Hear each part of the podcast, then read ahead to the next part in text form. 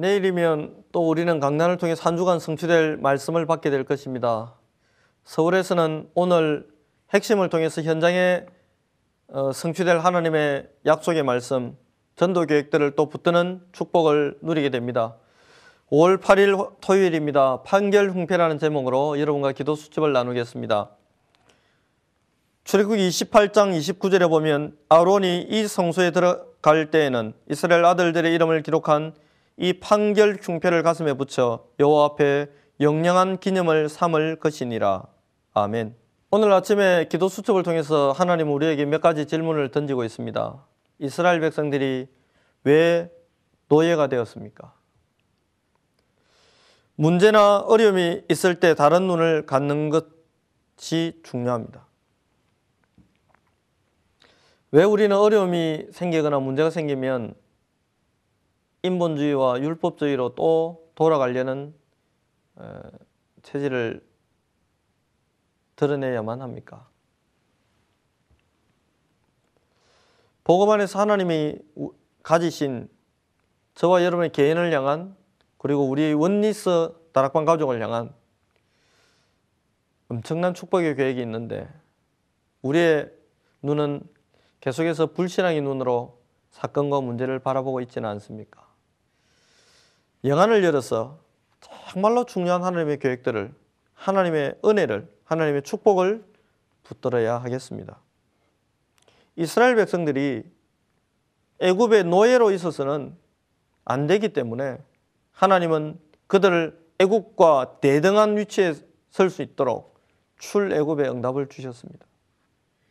애굽에서의 그 체질을 그대로 가지고는 애굽과 세계를 살릴 수 없기 때문에 하나님은 광야에서 애굽 근성, 노예 근성 전부 빼도록 하셨습니다.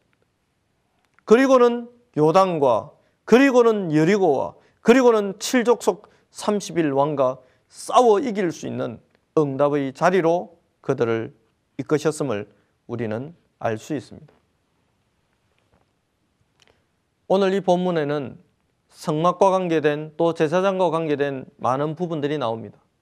이러한 부분들을 통해서 영적인 사실을 알고 또 적용하고 붙드는 축복이 있기를 바랍니다. 첫 번째, 판결 흉패입니다. 제사장에 오신 에보스의 가슴에 흉패를 붙이라고 말씀하셨습니다. 흉패는 이스라엘 열두 지파의 이름과 열두 개의 보석을 달라고 하셨습니다. 열두 지파, 즉 하나님의 자녀의 하나님의 백성의 이름을 가슴에 다 붙이라는 이 말씀은 하나님이 지금 저와 여러분의 이름을 가슴에 품고 달고 계시다는 이야기입니다. 하나님의 사랑 안에 여러분의 이름과 저의 이름이 녹아져 들어가 있습니다. 하나님의 기도 속에 저와 여러분의 이름이 지금 담겨 있다는 이야기입니다. 또한 그들을 보석처럼 하나님은 여기고 있습니다. 내가 너로 인하여 기쁨을 못 이기겠다고 이야기합니다. 저와 여러분이 하나님 앞에서 한 것이 없는데 하나님은 저와 여러분을 통해서 큰 기쁨을 느끼신다고 말씀하시죠. 기도의 불과 복음의 불을 끄지 않아야 함을 또한 말씀하고 있습니다. 성막 안에 성전 안에 불을 끄지 말라는 거예요. 기도의 불, 여호와로 종일 종려에 쉬지 못하시게 하는 기도의 불을 계속 피우도록 하나님은 말씀합니다. 왜 하나님은 불을 끄지 말라고 합니까? 하나님은 저와 여러분의 인생 속에 24시간 응답하시겠다는 것입니다. 이러한 비밀을 판결 흉패와 관계된 제사장의 복장 속에서 우리는 확인하고 또 성막의 구조 속에서 확인하고 누릴 수 있어야 하겠습니다. 이렇게 될 때 하나님이 주시는 통찰력과 지혜를 가지고 문제를 해결하고 또 성령의 인도를 받게 되어 있습니다. 바울이 말한 의의 흉배를 붙이라. 그 말씀이 오늘 이 말씀입니다. 그리스도를 통해 구원받은 우리는 왕이신 하나님의 마음에 제사장이신 그 그리스도 예수의 마음에 담겨 있다는 이야기입니다. 어떻게 해요? 보석처럼. 왜 그렇습니까? 세상 살릴 복음을 가지고 있기 때문에 하나님은 저와 여러분을 보석처럼 여기고 있습니다. 두 번째, 성령의 인도입니다. 이스라엘 백성이 성막을 중심으로 살아갈 때 임한 복이 있습니다. 지성소를 회복하여 언약교의 축복 곧 하나님의 능력과 보호하심과 인도하심을 누리게 되는 것입니다.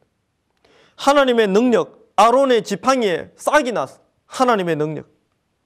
만나다만 항아리를 통해서 멀려 하나님의 세밀한 보호와 인도와 축복. 그러면서 말씀에 새긴 돌비를 통해서 하나님이 우리를 어떻게 인도하실지에 대한 분명한 확신. 이런 것을 누릴 수 있는 것지요. 성소와 성막의 뜰을 회복함으로 성소를 통해서 예배를 회복하고 성막의 뜰을 통해서 문화를 회복하는 것입니다. 그 성막의 뜰에는 이방인을 위한 뜰도 있었습니다.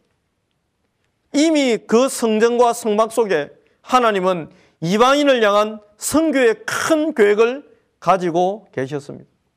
중요한 것은 무엇입니까? 하나님은 저와 여러분을 성전 삼고 계신다는 것입니다.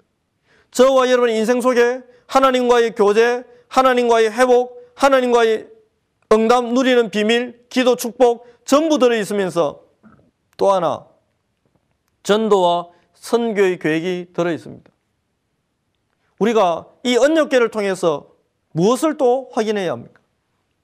하나님은 저와 여러분의 인생 속에도 아론의 쌍난 지팡이 같은 이런 하나님의 능력의 증거가 만나와 메추라기를 담은 항아리와 같은 하나님의 보호하심에 대한 증거가 그리고 언약을 기록한 돌비를 통해서 우리의 영혼 속에 반드시 성취될 하나님의 말씀을 담고자 하는 하나님의 의지가 들어있음을 우리는 확인할 수가 있습니다.